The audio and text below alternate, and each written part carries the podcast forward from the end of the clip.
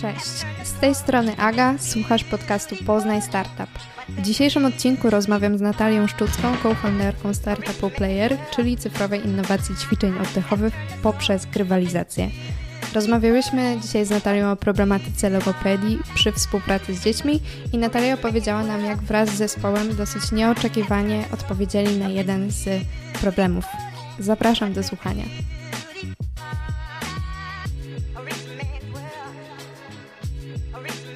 Cześć Natalio, bardzo miło Cię nam gościć. Cześć. Na początek opowiedz nam coś o sobie i tym, jaka historia kryje się za powstaniem playera. Macie bardzo sprytną i błyskawicznie chwytliwą nazwę. Bardzo mi się podoba. Dzięki bardzo. Nazwa w sumie powstała tak gdzieś tam w międzyczasie. Wcześniej się nazywaliśmy Blowly, co się bardzo źle kojarzyło, więc zmieniliśmy to bardzo szybko. E, więc coś o sobie. No to jestem Natalia. E, wcześniej pracowałam w konsultingu, później jako project manager i też e, dużo w marketingu działałam, więc taki jest mój background bardziej biznesowy. A jeżeli chodzi o drogę powstania playera, e, no to poznaliśmy się z chłopakami właśnie w programie e, matchingowym, gdzie zgłaszały się pojedyncze osoby. Akurat chłopaki się zgłosili w trójkę. Tam się poznaliśmy i mieliśmy trzy tygodnie w zasadzie na wymyślenie pomysłu. No i taką drogą poszukiwania grupy docelowej, w sumie dosłownie i tego, czego brakuje akurat w logopedii, bo ona gdzieś tam była blisko trochę medycyny, trochę była zapomniana, jeżeli chodzi o jakieś innowacje. Znaleźliśmy, że właśnie te ćwiczenia oddechowe są, są bardzo nudne. No i postanowiliśmy właśnie coś z tym zadziałać. Więc to nie było tak, że mieliśmy nagle pomysł, który wynikał z naszych problemów, tylko raczej szukaliśmy tego problemu, który możemy gdzieś tam zaadresować. A, to bardzo ciekawe, bo nie, za, nie często się zdarza, że ludzie, którzy muszą wymyśleć coś w szybkim e, czasie, faktycznie decydują się potem kontynuować ten pomysł. No tak. Często jest wiele takich konkursów albo właśnie takich trzydniowych. E, nawet ostatnio byliśmy na hackatonie i, i drużyny musiały wymyśleć w trzy dni pomysł, za, zapiczować go na samym końcu. No i w zeszłym roku tylko jedna drużyna zdecydowała się kontynuować swój pomysł, nawet nie ta, która wygrała, mhm. no bo to przecież nie jest łatwe wymyśleć coś i w trzy tygodnie, tak jak powiedziałaś, y, stwierdzić, No my mieliśmy że... więcej czasu, no bo trzy tygodnie, a potem dwa miesiące a, mhm. na opracowanie tego, ale akurat u nas fajnie kliknęło z, z zespołem i tym, jak nam się razem pracowało, więc stwierdziliśmy, że to coś porobimy z tym dalej. Rozumiem. A powiedz mi, e, przeczytałam takie bardzo też e, chwytliwe hasło cyfrowa rewolucja w ćwiczeniach oddechowych. Na czym mhm. polega ta rewolucja? A tak, chodzi o to, że aktualnie ćwiczenia oddechowe wykonywane są za pomocą drewnianej rurki z styropianową kuleczką na końcu. My de facto to, co robimy, to przenosimy tą cyfrową, e, cyfrowo przenosimy tą drewnianą rurkę właśnie na kontroler, a tą styropianową kuleczkę, czy też jakieś inne, tym podobne analogowe pomoce właśnie na postać w aplikacji, która porusza się zgodnie z rytmem, jak to dziecko ćwiczy. No a kluczowe jest to, że ćwiczenia oddechowe dziecko musi wykonywać codziennie w przypadku logopedii, ale chcemy też zaadresować inne grupy docelowe, gdzie ta regularność gra właśnie kluczową rolę. E, no i z tym, że takich inicjatyw e, nowoczesnych jest bardzo mało właśnie w tej sferze, no to taki claim sobie wymyśliliśmy. Mhm. Czyli ta innowacja polega też trochę na, jakiejś, na jakimś elemencie grywalizacji? Tak, e, tak. W, jakiś sposób, w jaki sposób zachęcacie dzieci, żeby robiły to faktycznie codziennie i żeby im się chciało? No de facto grywalizacja odpowiada za rutynę. Czyli jak masz grywalizację, mm, gdzie musisz osiągnąć jakieś punkty, dobrym przykładem na przykład jest Duolingo mhm. e, i u nas też to chcemy wprowadzić 10 minut dziennie, wprowadzasz tą rutynę do, do tego, że dziecko codziennie musi coś zebrać w tej aplikacji albo coś osiągnąć, e, no to na tym polega właśnie to zaangażowanie. Czy jesteś w stanie powiedzieć, jak to e, dokładnie będzie wyglądać? Czy już macie e, prototyp, layout aplikacji? Mamy, mamy. Mamy już gotową aplikację, mamy mhm. też gotowy prototyp obudowy, jak będzie wyglądała. Mamy też złożony wniosek patentowy, więc generalnie wszystko, wszystko idzie do przodu. Pierwsze testy będziemy wykonywać w sumie już za miesiąc. O, Patrząc na to, że teraz Super. jest maj, no to w czerwcu będziemy wykonywać pierwsze testy. Czyli będziecie kierować się e, w stronę dzieci, znaleźliście je przez jakąś szkołę, już macie na to pomysł? E, przez logopedów i przez kliniki logopedyczne, które już mamy w Krakowie i w Warszawie, mhm. no bo tam mamy swój zespół, więc głównie tam działamy teraz. No i one już czekają, żeby po prostu z nami te testy rozpocząć na ich dzieciach, które mają one pod swoją opieką. A jeżeli chodzi jeszcze o tą cyfrową rewolucję, no to dużym aspektem też będzie to, że logopeda i rodzic, ale głównie logopeda, będzie mógł patrzeć na statystyki, czy to dziecko faktycznie ćwiczy w domu, czy, czy może nie, bo teraz mm. dużo dzieci mówi, że ćwiczy, a realnie tego nie robią, bo tak chyba każdy robił, jak był mały. E, I taka jest domena też w naszym kraju.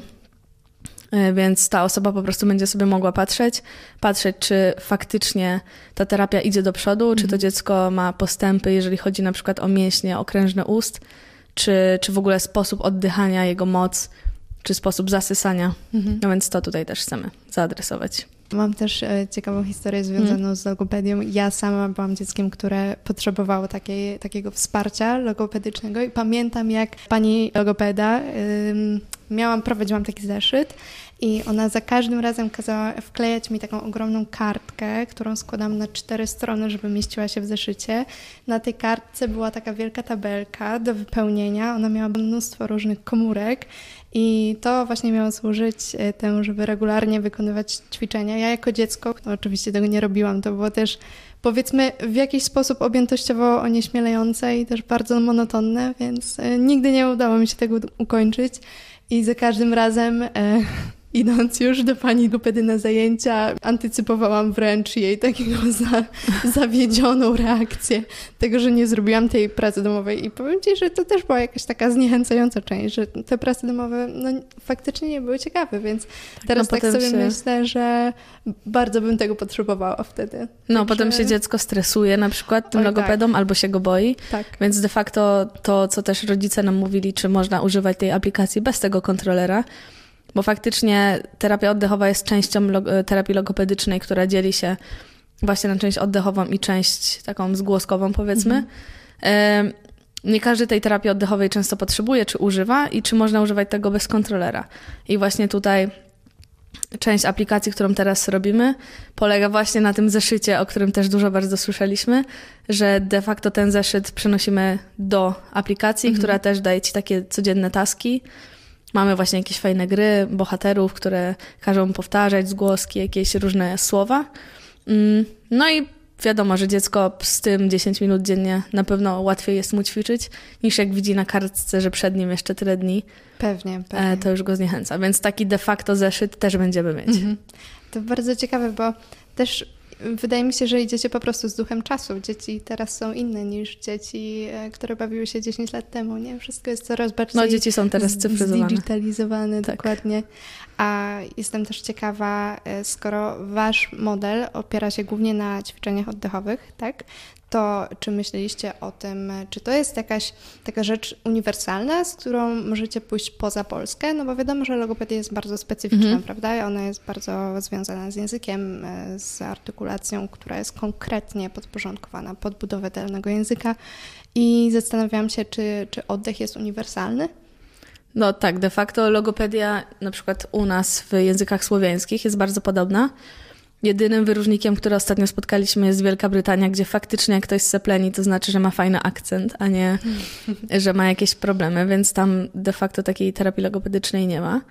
No ale terapia oddechowa, czy trening oddechu, czy nawet ćwiczenia oddechowe, tak jak wolimy to nazywać, bo terapia jest stricte określeniem medycznym, mhm. to, to pewnie. One nie mają za bardzo barier językowych, tym bardziej, że można to dostosowywać nawet dalej do astmy, do POHP dla śpiewaków, dla nurków, dla wspinaczy wysokogórskich, nawet jakiś mindfulness czy uspokojenie oddechem, no to to są wszystkie obszary, które można faktycznie zaadresować. E, no i też w jakim to będzie języku, to też jest dużo mniejsze znaczenie. Okej, okay. a planujecie się skalować w ten no sposób? No tak, pewnie. Super. Dlatego wymieniłam te obszary, bo to są gdzieś tam nasze e, przeanalizowane obszary. Ekstra. A jaka jest wasza konkurencja? Tak, de facto naszą konkurencją są zarówno pomoce logopedyczne, jak i pomoce do treningu oddechu. Nie zawsze jest to skorelowane, no bo ten oddech może być też właśnie w innych aspektach. Więc wszystkie pomoce logopedyczne, jeżeli chodzi o analogowe zabawki, są naszą konkurencją, które wymuszają na tych dzieciach jakąś pracę ustami. Oraz zarówno też aplikacje, jakieś proste aplikacje logopedyczne, które na ten moment są bardzo takie no, z lat 2000 powiedzmy ten UX zdecydowanie nie jest dla dzisiejszych dzieci, no to to jest nasza konkurencja. Jeżeli chodzi o stricte podobne rzeczy, które, e, które to, ktoś robi, czyli kontroler, oddech, grywalizacja. Faktycznie są dwie takie firmy. E, jedna wiemy, że już nie działa, a jedna gdzieś tam działa, ale bardzo mało o nich słyszymy. Okej, okay. a spróbowałabyś e, opisać mi ten kontroler, bo to, co ja sobie wyobrażam, to jakaś, powiedzmy, jakiś odpowiednik tej rurki, w którą dmuchasz, która rejestruje twój oddech i um, przesyła dane do komórki, czy to jest na zasadzie, że ty dmuchasz w telefon? Trochę ciężko mi to wyobrazić. A nie, kontroler jest fizyczny. Okay. Fizyczny kontroler. E, dostosowany do dziecięcych rączek. Mogę Ci zaraz pokazać. Super. Mamy różne wersje tego. Dopiero właśnie dajemy to do dzieci i patrzymy, czy może taki kształt butelki bardziej jest lepszy, czy takiego jakiegoś trójkąta. No to super, badacie czy... na, na końcowym odbiorcy. Tak, no więc wyobraź sobie, że jest ta rurka. Normalnie w tym mm -hmm, kontrolerze mm -hmm. jest rurka opakowana w obudowę, która jeszcze ma tam miejsce na płytkę PCB jakieś inne rzeczy elektroniczne. Okej, okay, super. A jako, że e, AI to jest teraz bardzo e, cieszący się popularnością temat, e, czy macie taki AI-owy element w sobie i na czym on polega? Mhm. Aktualnie nie, specjalisty do AI też nie mamy. Natomiast w planach jest to, że jak już zbierzemy odpowiednią próbkę danych, żeby zaimplementować no z tym, że to są takie myśli, plany, może, mhm. może tak, może nie, żeby zrobić tak, że w czasie rzeczywistym do każdego dziecka i do jego problemów e, z oddechem i tego, czego mu w tym oddechu brakuje. Na przykład, że wydech jest zbyt, e, zbyt niepełny, czy wdech. Żeby na bieżąco AI generowało tą trasę na przykład tego ptaszka, który leci, mhm. zgodnie z tym, jakie wady e, i dysfunkcje posiada to dziecko. Przechodząc do takiego już do takiej ogólnej części startupu, mhm. jako w ogóle doświadczenie budowania czegoś czego nie ma, od zera, e, to powiedz mi, czy zawsze myślałeś o tym, że fajnie by było mieć coś swojego, czy raczej to pomysł sprawił, że stwierdziłaś, ok, to jest fajna droga, warto tego spróbować? Nigdy nie myślałam, że chcę mieć swojego, coś swojego, szczerze mówiąc. Zawsze byłam tą osobą, która bardziej wydziała się w jakiejś dużej organizacji, gdzie jest jakaś e, fajna kultura organizacyjna, jakaś międzynarodowa firma i zawsze gdzieś tam do tego dążyłam. Nawet w trakcie rok temu robienia playera. Mhm. Mm. No i potem natrafił się ten player, też jeszcze inny, mam podobny projekt na boku, e, który też rozwijam. No i stwierdziłam, że kurczę, generalnie jak sobie robisz coś swojego i pracujesz nad swoim własnym rozwiązaniem i ty dyktujesz tor i kierunek rozwoju tej rzeczy, no to jest to szczerze mówiąc trochę uzależniające. I, I teraz zdecydowanie jestem na etapie, że bardzo bym chciała, żeby to wyszło i żeby właśnie swoją w pełni e, firmę, taką jak Player, prowadzić. Więc mhm. zmieniło mi się to w czasie zdecydowanie. Jesteś w stanie powiedzieć, co jest takim czynnikiem, który Cię najbardziej satysfakcjonuje e, w prowadzeniu czegoś takiego, a co jest dla Ciebie takim największym wyzwaniem, czymś, e, nad czym może musisz popracować tak bardziej osobiście? Czy są jakieś cechy e, w Tobie, które zauważasz, że Ci bardzo pomagają, mhm. a takie, które widzisz, że akurat w tym otoczeniu, powiedzmy, są no właśnie jakoś do ominięcia? Tak, no to to na pewno co jest fajne. Chociaż kurczę, ciężko to też e, rozważać w sferze plusów i minusów, bo gdyby player był jedyną rzeczą, którą się zajmuje totalnie na co dzień, pewnie by to też trochę inaczej wyglądało. Ale to, co jest teraz fajne, to na pewno ta elastyczność, że są, e, jest taka sinusoida, że są momenty, kiedy faktycznie jest sprint i musimy coś szybko dowieść i ciśniemy, a są momenty, kiedy jest jakiś tydzień, gdzie bardziej wrzucamy na luz, skupiamy się głównie na naszych spotkaniach statusowych, na planowaniu tego, co będziemy w naszym kolejnym sprincie znowu robić. E, więc to jest fajne, że jest często dużo pracy, ale też jest często fajny czas, gdzie można sobie e, troszeczkę bardziej odpocząć. No i właśnie na pewno to, że to, co my sobie wymyślimy, de facto my jesteśmy za to odpowiedzialni i my możemy to robić. To jest fajne. Na pewno fajną rzeczą też jest to, że jak ktoś słyszy o playerze, to często przypisuje to do ciebie I to też jest takie bardzo miłe i przyjemne. Więc to na pewno dużym wyzwaniem, no dużym wyzwaniem jest na pewno to, żeby zorganizować team, który robi, każdy robi coś innego. Mamy trzech lekarzy, czterech doktorantów w teamie, więc de facto każdy ma jeszcze inne swoje obszary, które są równie ważne. Nie takie, że z dnia na dzień nagle mogą je porzucić i przejść do playera. No to to jest duże u nas wyzwanie. Ale z drugiej strony ten team w sumie od roku już prosperuje w dobry sposób uważam, że nawet jest dojrzała nasza organizacja pod takim względem organizacji pracy, czasu, tego jak się spotykamy, więc to było wyzwanie, no ale je zaadresowaliśmy i jest ok. Natomiast w przyszłości może rodzić pewne komplikacje. Rozumiem.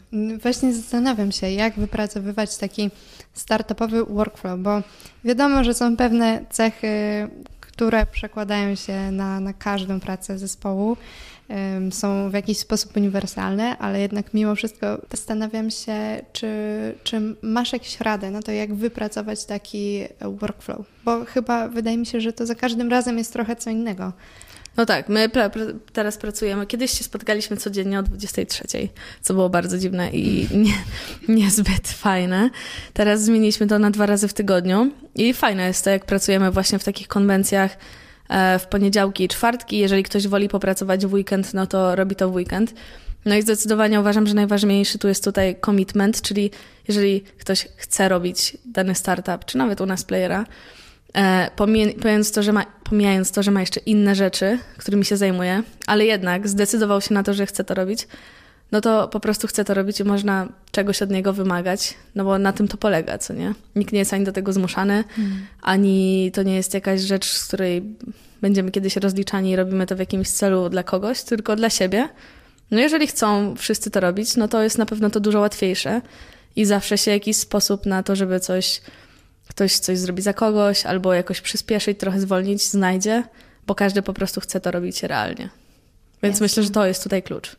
Czy macie jakieś zewnętrzne czynniki motywacyjne? Czy macie jakąś instytucję, która pomogła Wam się rozwinąć na starcie? Czy ktoś Was obecnie wspiera? Czy może dostaliście jakieś rundy finansowania? Jak to u Was wygląda? Tak, mamy e, jednego inwestora po pierwszej rundzie finansowania. Jesteśmy końcem grudnia, się ona zakończyła. Niedługo będziemy się szykować już do drugiej. Jeżeli chodzi o jakieś inne czynniki motywujące, na pewno fajne jest to, jak e, stoimy na podium jakiegoś konkursu, czy to polskiego, czy europejskiego. Na pewno jest to duży boost, ale też aż tak wielkiego znaczenia to, to nie ma. No, tyle, że to jest fajne, widzimy, że wow, faktycznie komuś się to podoba, no to robimy to dalej. Mm, no ale gdzieś bardzo mało znaczące jest to. Na pewno mamy też takie bliskie nam osoby, z którymi wiemy, że zawsze możemy zadzwonić takich trochę mentorów, których pozbieraliśmy z różnych, czy to konkursów, czy jakichś programów. Czy, czy z tych, nie wiem, innych organizacji startupowych, powiedzmy, e, gdzie mamy kilka za, takich zaufanych osób, że zadzwonimy i faktycznie one nam zawsze pomogą, czy tam doradzą, no to to jest fajne. Czy one nas motywują? Zapewne tak, ale też dużym naszym czynnikiem motywacyjnym jest to, że my chcemy to robić i to, że trochę szybko weszliśmy do logopedów i oni też już na nas wywierają tą presję, że hej, no to kiedy już będziemy to testować? I to też jest na pewno duży czynnik motywacyjny, że oni już są, są oni już czekają i tylko trzeba im to dostarczyć. No a tak na początku, no to faktycznie poznaliśmy się w, tym Medbizie. No to to był taki nasz pierwszy punkt styku w ogóle ze światem startupowym, bo nikt wcześniej nie, nie miał takiego e, doświadczenia. Jaka była Twoja droga do tego, że znalazłaś się w Medbizie? No, na pewno mieli dobre targetowanie Facebook Adsów. poza tym ten temat Cię jakoś szczególnie zainteresował, czy po prostu brałaś co dają? Nie, de facto kiedyś e, w ogóle tematy medyczne są mi bliskie i kiedyś też e, chciałam iść na medycynę jeszcze w czasach licealnych, mhm. więc połączenie biznesu i medycyny jest generalnie rzeczą, która mnie dosyć kręci. Jak, że ten program nazywał się MedBiz Innovations, no to innowacje, medycyna, biznes, totalnie super mhm. połączenie. I stwierdziłam, no dobra, no to zgłoszę się, zobaczymy. Wtedy też e, pracowałam w firmie konsultingowej, bardzo dużo się tam pracowało. No ale gdzieś ten jeszcze medbis wcisnęłam. I na pierwszym spotkaniu sobie powiedzieliśmy, że jak już to robimy, no to oczywiście, że chcemy wygrać, a nie żeby to robić. No i też taki duch nas niósł przez te trzy miesiące i wygraliśmy. Jaką rolę pełnisz e, w waszym startupie? Za co odpowiadasz?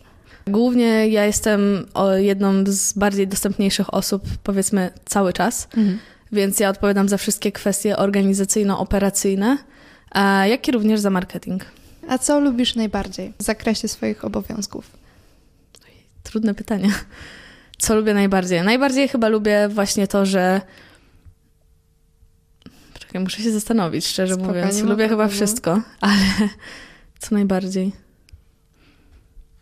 No chyba najbardziej, że jest jakaś iskra albo jakiś pomysł w mojej głowie, na przykład daję go tego chłopakom. 90% e, rzeczy jest, że wow, super, czasem 10, że Jezus Natka, co ty mówisz? A, więc chyba najbardziej to faktycznie, że lubię być tą osobą z inicjatywą i może nie jest to mój obowiązek, no ale część tego, co robię na co dzień, że często wychodzę z jakąś inicjatywą i po prostu dalej nad tym pracujemy i to się dzieje, więc więc myślę, że to. Ja lubię też bardzo organizować, trzymać rzeczy razem, e, takie rzeczy bardzo stricte. Tak jak wcześniej byłam PM-em, to też bardzo to lubiłam. Organizacja właśnie pracy, no to to też dalej bardzo lubię. Kolejna część to pochwały. Z czego jesteście najbardziej dumni? Z czego jesteśmy najbardziej dumni, że w zasadzie niedawno świętowaliśmy rok playera i naprawdę pracowaliśmy nad nim przez te 365 dni, 340 dni myślę. Jesteśmy z tego bardzo dumni, że zadziało się tak dużo przez ten rok, że, że naprawdę jakby minęły 3 lata dosłownie. Więc jesteśmy dumni z tego, no po prostu po, progresu i z tego też, że nikt, e, szczerze mówiąc, nawet nie stracił motywacji przez ten rok, tylko razem cały czas e, robiliśmy to codziennie. A jak jesteś w stanie utrzymać tak długo motywację do działania? No właśnie myślę, że kluczowy tutaj jest zespół, bo jak masz, często jest tak, że masz jakiś zespół z twoich osób, które nawet wcześniej znasz i na samą myśl, że chcesz coś z nimi porobić, myślisz sobie, o, to na pewno wyjdzie i to będzie super. A masz często taki zespół, że no, nawet każdy liczy na to, że druga osoba się nie odezwie, ktoś się o tym w ogóle zapomni, że nie było jakiegoś zadania i tak dalej. No, wydaje mi się, że w naszym wypadku i moim personalnym wypadku zespół jest kluczowy. Czy macie z kolei jakiś błąd, przed którym chcecie przestrzec innych? Czy mieliście taką sytuację, po której stwierdziliście, że um, uczymy się przez doświadczenie, przecieramy sobie szlaki, e, ale fajnie to by było na przykład usłyszeć od kogoś wcześniej, żeby mhm. na coś takiego uważać? Jasne, że słyszeliśmy te rzeczy wcześniej, ale oczywiście się one wydarzyły. Na pewno pierwszym to było to, że byliśmy tacy zbyt. Nie wiem, jak to nawet nazwać, ale myśleliśmy, że wow, że my jesteśmy totalnie najlepsi i że, że jesteśmy super. I potrzebowaliśmy osoby, która nas sprowadzi na ziemię, to było super. Kolejną rzeczą na pewno było to, że zaangażowaliśmy się w zbyt wiele rzeczy naraz, ale z drugiej strony ułożenie naszych zadań też było takie, że mogliśmy to zrobić. Więc nie wiem, czy tutaj byśmy to zmienili. To, co byśmy na pewno zmienili, co już wdrożyliśmy, że często o czymś myśleliśmy za późno. Czyli na przykład mamy jakiś, e, jakiś timeline, mieliśmy jakiś step w robieniu aplikacji, w tym wypadku na przykład ilustracje. Tych ilustracji nagle zabrakło i wszystko stanęło na dwa miesiące, bo czekamy na ilustracje. Gdybyśmy je zaplanowali, że no przecież wiemy o tym, że będzie aplikacja i będą w niej ilustracje, no to byśmy już wcześniej sobie zaczęli je e, zlecać komuś i w ogóle o tym myśleli niż kiedy w momencie, jak UX designer nam pisze, gdzie są ilustracje, a my wtedy zaczynamy szukać ilustratora. No to to na pewno wcześniej byśmy zrobili i teraz też już wcześniej do przodu e, planujemy. A na jakim etapie jesteście w tym momencie? Dosłownie w tym momencie, w tym tygodniu. W tym tygodniu. W tym tygodniu e, rewidujemy nasz model biznesowy jeszcze raz, żeby był on na pewno bardziej dokładny, trochę bardziej wybiegający w przyszłość, żeby wiedzieć, e, co musimy znowu zrobić wcześniej, żeby potem się nie obudzić za późno. Jesteśmy na końcówce, chyba w tym tygodniu czy w zeszłym, dostaliśmy linka od naszych deweloperów do ściągnięcia naszej aplikacji, więc jesteśmy w super momencie. A kontroler cały czas jest w przygotowaniu. Tutaj w tym tygodniu nie było żadnego jakiegoś dużego kamienia milowego. No to tu jesteśmy. Przygotowujemy się do drugiej rundy. Złożyliśmy patent. No i tyle. Kolejne bardziej personalne pytanie. Zastanawiam się, jak reagują Twoi bliscy znajomi albo nawet rodzice na to, jak mówisz, mam własny startup, działam, jestem przedsiębiorczynią. E, jaki masz odbiór wokół? Czy ludzie się dziwili? Jaką miała, jakie miałaś doświadczenie mhm. związane z tym? E, no, moi rodzice zawsze mówią, no Nati robi taki projekt. więc musiałam wytłumaczyć, co to jest startup i pewnie, że są dumni, więc bardzo, bardzo się cieszą. E, często pytają, co tam. Ja często, wczoraj pytałam mamę, mamo, a co ty myślisz, co ja robię? Co to jest ten startup? No i tak sobie pogadałyśmy. E, więc tak, a znajomi, kurczę, dużo mam znajomych, którzy są też ze świata biznesowego, więc zawsze jak ktoś ma jakiś sukces, to każdy się tym cieszy. Też potem często można spotkać tych znajomych gdzieś nawet we wspólnych jakichś sferach, więc to jest super. A osoby, które powiedzmy nie są związane z biznesem zawodowo, tylko inni przyjaciele, cieszą się. Po prostu często pytają, co tam, albo na LinkedInie sobie coś tam spojrzą, jak coś publikuje, więc generalnie raczej pozytywny bardzo odbiór. Opowiedz coś jeszcze o zespole. Czy uważasz, że jesteście wobec siebie komplementarni? Czy na przykład myślicie, że fajnie by było jeszcze zrekrutować kogoś, kto jest specjalistą w tym obszarze, że super by było mieć taką osobę? Mhm. No tak, aktualnie mamy dziewięć osób, więc nie jest to aż tak mało. Um, czy jesteśmy komplementarni? Zawsze mówimy, że jesteśmy komplementarni, ale to, czego nam brakuje teraz, a będziemy szukać pewnie gdzieś, może nie aż tak niebawem, ale w przyszłości, jeszcze jednej osoby stricte od sfery biznesowej, czyli z zapleczem marketingowo-sprzedażowym, bo, bo mamy duży, duży obszar, powiedzmy, naukowy, e, medyczny, gdzie przy naszym rozwiązaniu jest to bardzo ważne. Mamy też duży obszar technologiczny, a ten biznesowy w sumie opiera się na mnie, też trochę na, na Pawle, więc na pewno takiej osoby będziemy szukać.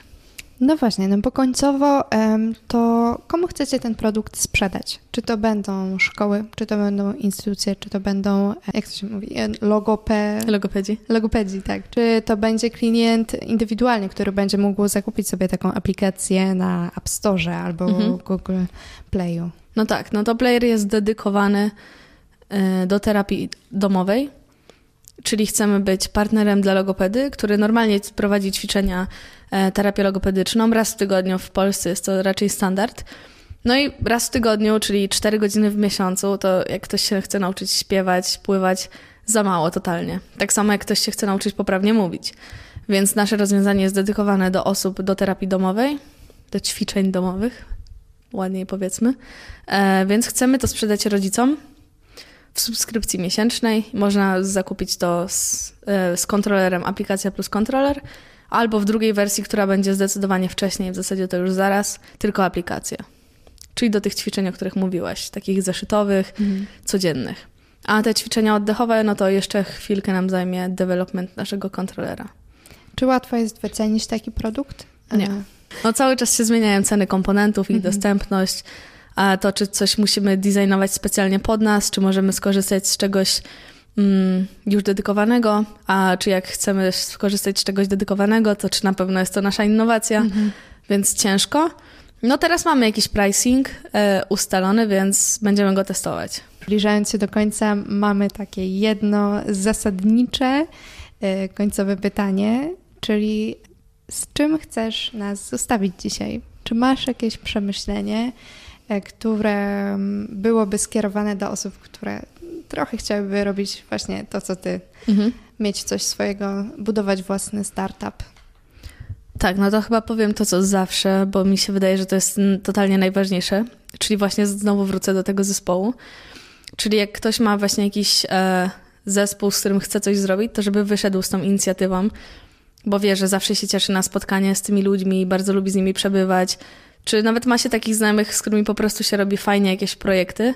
Nawet to mogą być projekty ze studiów, bo moja druga e, inicjatywa wywodzi się właśnie z grupy ze studiów.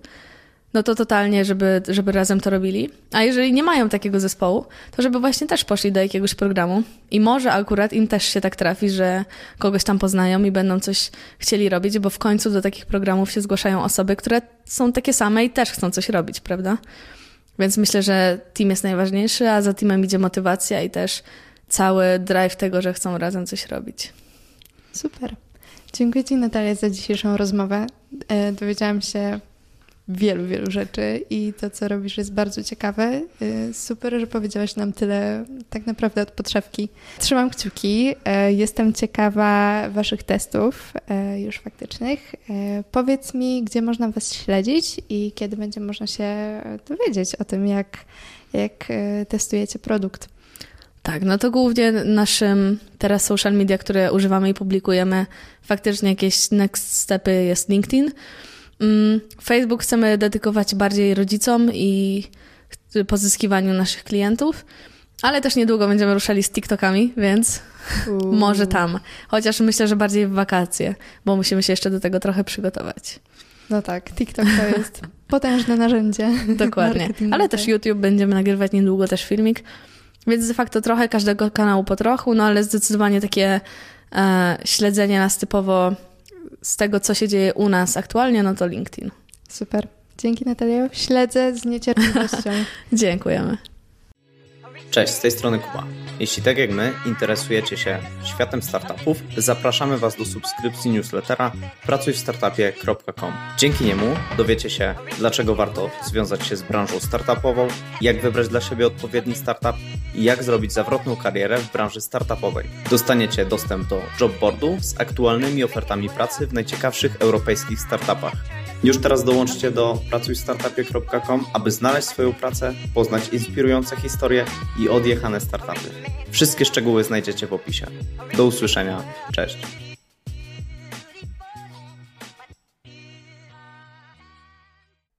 Partnerem podcastu jest Inkubator Uniwersytetu Warszawskiego, który pomaga w tworzeniu autorskich projektów od etapu pomysłu do wdrożenia. Więcej dowiecie się na stronie iuw.edu.pl.